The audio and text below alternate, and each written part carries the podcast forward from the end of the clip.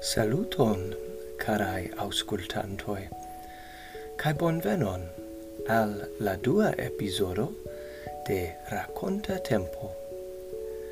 Parolas Austeno el Canado, cae jen mia podcasto.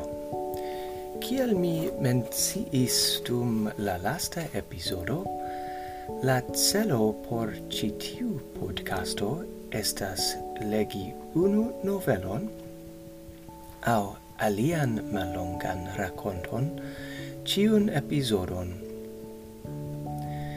Kiel vi sentas pri racontoi? Compreneble, mi amas racontoin. La hodiaua raconto titoligas Kai credu se vi volas kai gi estis verkita de Marjorie Bolton. Ni comencijos tre baldau, do eble vi volus pausi momenton, por che vi alportu litcovrilon, eble varman trincajon, kai compreneble vian ple shatatan plush beston mi desiras che vi estu kiel eble ple comforta nun jen la raconto cae credu se vi volas. Stefano Streco casisto de la loca Esperanto grupo estis homo quiu vivis modere cae modeste. Sed vendrede vespere li tamen iris al trinceo. ne nur por sensoi figi sin sed char li sentis la besonon de iu materia consolato tie li sidadis cun glaso da biero cae melen colie meditadis Li estis sola en la varma chambro, same sola, kiel la lasta crono en la grupa caso. Verdajoi ne crescas sen aquo, cae humo, cae esperantajoi malfacile crescas sen mono. Inter la grupanoi ne trovigis ec unu riciulo. Ili jam provis multain honestain rimedoin por enspesi, cae pri malhonestai rimedoi neniu havis facan competentetson. Dume, cae urge, ili besonis afficioin, flugfolioin, novan flagon, gazet annonsoin, libroin por la grupa biblioteco, cae ec bretaron por anstatauigi la fructo cestoin, ciui ne tre digne logigis gin. Alia homo envenis cun hundo, ciu aspectis tre intelligenta, sed cies spezzo shainis esti strat hazard seria li mendis Pieron, cae exidis apud Stefano. Levinte la oculoin por saluti, li rimarcis la verd stelan insignon. Vi estas do esperantisto, ciu? La vivo shainis iom mal pli grisa. Yes, diris Stefano. Cae mi gioias renconti sam idianon. Ču vi estas visitanto al nia urbo? Ni havas viglan grupon. Li ne sentis ian devon aldoni, sed malriĉan. Fakte, mi forlasos la urbon morgau, cae voyagios al Usono, respondis la signoro. Ĉu vi konas iun kiu deziras aceti hundon? Mi acceptus malgrandan preson condice che la besto iru al bona himo. Mi ne povas cun portigin, cae mortigigin estus al mi ne tolereble. Mi shatas hundoin, diris Stefano, sed La vivo estas por mi iam iom tro complica. Ciu facte vi esperas che iu pagos vin? La hundo aspectas charma cae simpatia, sed nepre ne estas ras hundo. Ne, respondis la alia, sed gi estas io pli interesa Gi estas mutatia hundo. Muta? Mi preferus hundon kiu capablas boji. Ne muta, sed mutatia. Mi acetis gin de atom physicisto.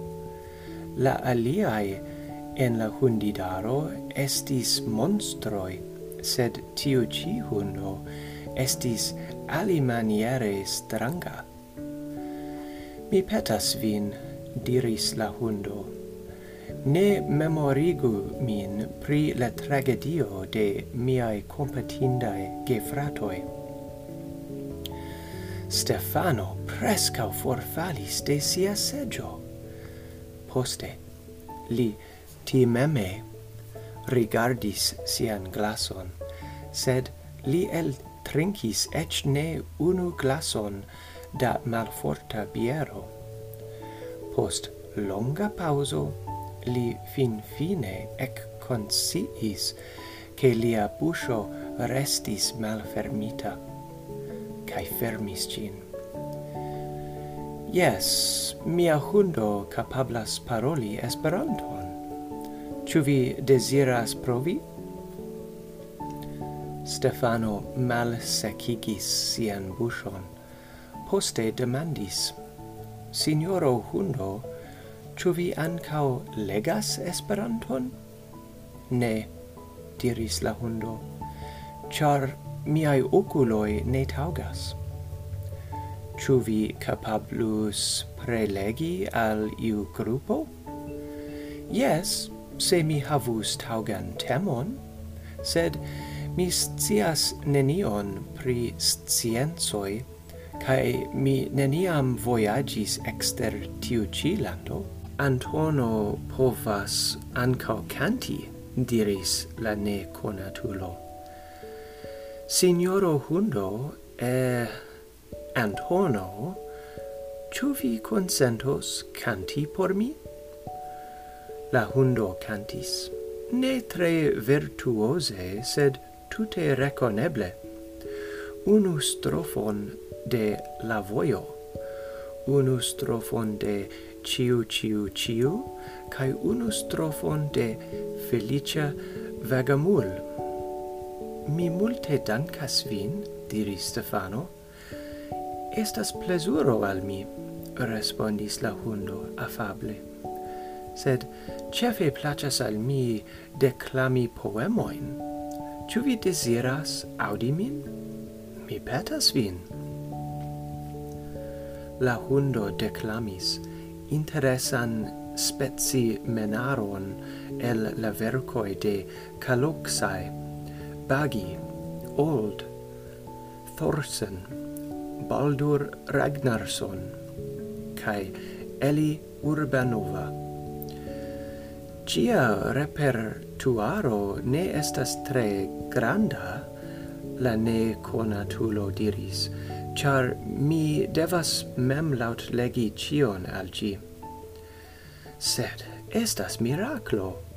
Ciu vi iam pripensis la ebletson che via hundo candidatiju por la internazia exameno? Ne estus eble, char gi ne capablas scribi. Ciu mi declamu plu? demandis la hundo. Ne nun, Antono, char ni devas conversat sii pri aliai aferoi. Antono vere ege juas declamadon. La capo de Stefano iom turnigis, sed antau li svebis bella visio, visio altruisma, edifa, esperiga, li antavidis vastain monsumoin por la grupa caso, por la landa organizo, eble ancau por ciui facoi de UEA. Aceti tiun unican hundon per propra mono, cae laborigi gin en la servo de Esperanto. Li facile repagus sin temus nur pri investo, sed poste venus rivero da ricetso Cian preson vi postulus por Antono? li demandis. Mi devas foriri morgau fru matene, cae vi estas esperantisto, do mi proponas al vi tre moderan preson ducent cronoin. Stefano devis consenti, che tio estas ja modera preso por tia hundo, sed pro sia memestimo li diris, nu, cent octec cronoin. Cent naudec, vere Antono tiom valoras. Ili facile interconsentis, cae Stefano, iom trema ce la genuoi cae sentante sian capon crevo preta, conducis Antonon hemen. Mi esperas che vi povas mangi fishajon, li diris, char viandon mi povos aceti nur morgau. Tute ne genu vin, la hundo respondis, la fiŝaĵo odoras suffice fresca. Sed bonvolu doni al mi pelvon da aquo. Stefano tre volonte faris tiun bagatelan servon cae arrangis por la hundo provisoran liton de du malnovae lit covriloi en ligno cesto.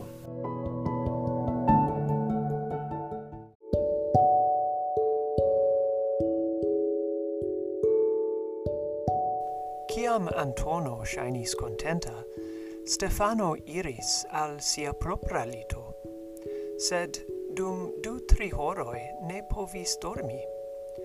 Li revis pri grandiosae propagandae campagnoi, pri televidae cursoi pri Esperanto, pri subvenciitae mondvoyagioi, pri amaso da eldonajoi, pri belega infan gazeto Esperanta.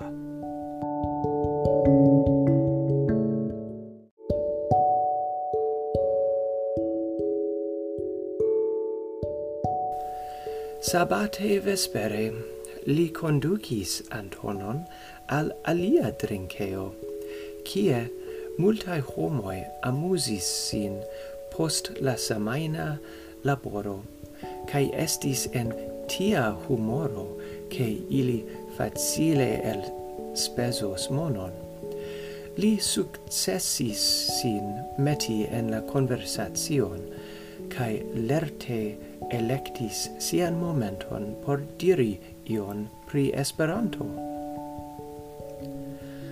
Oni montris ian ne intensan intereson, formale aprobis la utilan lingvon, cae volis reiri al sportae temoi.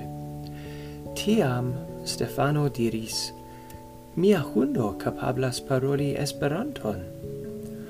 Chore oni respondis per divers spezae neoi. Fromaggio, sensensaggio, blago, nepre. Mi ne nascigis hierau, mi ne plu lacto botelon cuiru gin. Ciu do lingvo por hundoi? Ne moku nin.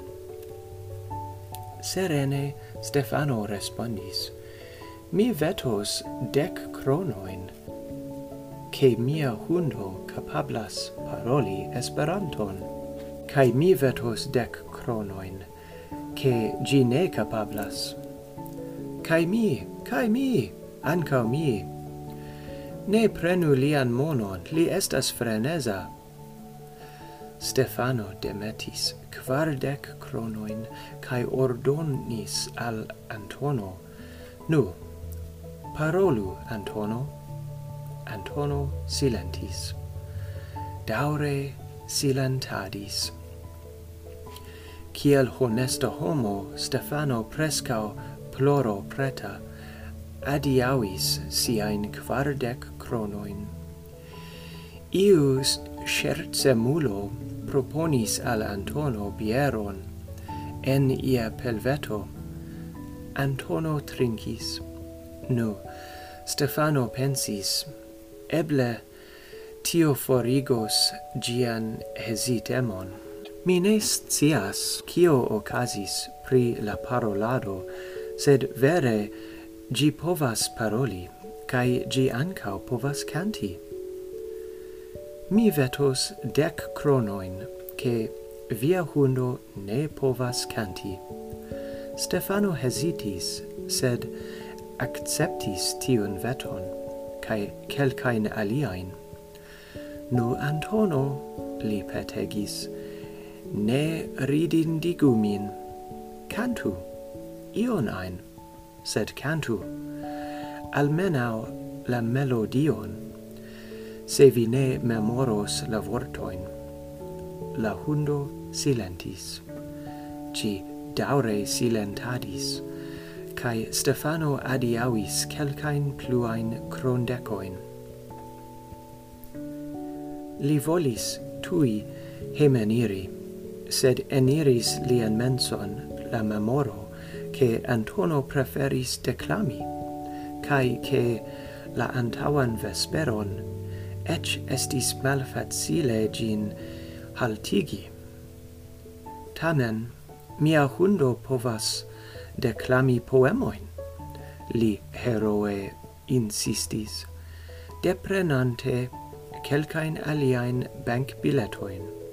Compreneble, plurai homoi volis veti pri la aserto. Nu Antono, cara hundo, vi tre juas declamadon, mi petas, mi petegas. Silento. Daura silento. Nova mon perdo. Ridegoi sequis ilin, ciam Stefano ec conducis la hundon hejmen. Venu en la banĉambron, li ordonis. Nigra furioso, cun scarlatae strioi, plenigis lian tutan animon. Li sercis en la blanca schranketo, el prenis malnovan grandan rasilon, cae comensis acrigi gin sur leda acrigrimeno. Tiam Antono ec parolis. Cial vi desiras rasi vin tiel marfrue vespere? Mi ne rasos min, mi tranchos al vi la gorgion. Cial vi perfidis min, hundacho, vost hava canailo?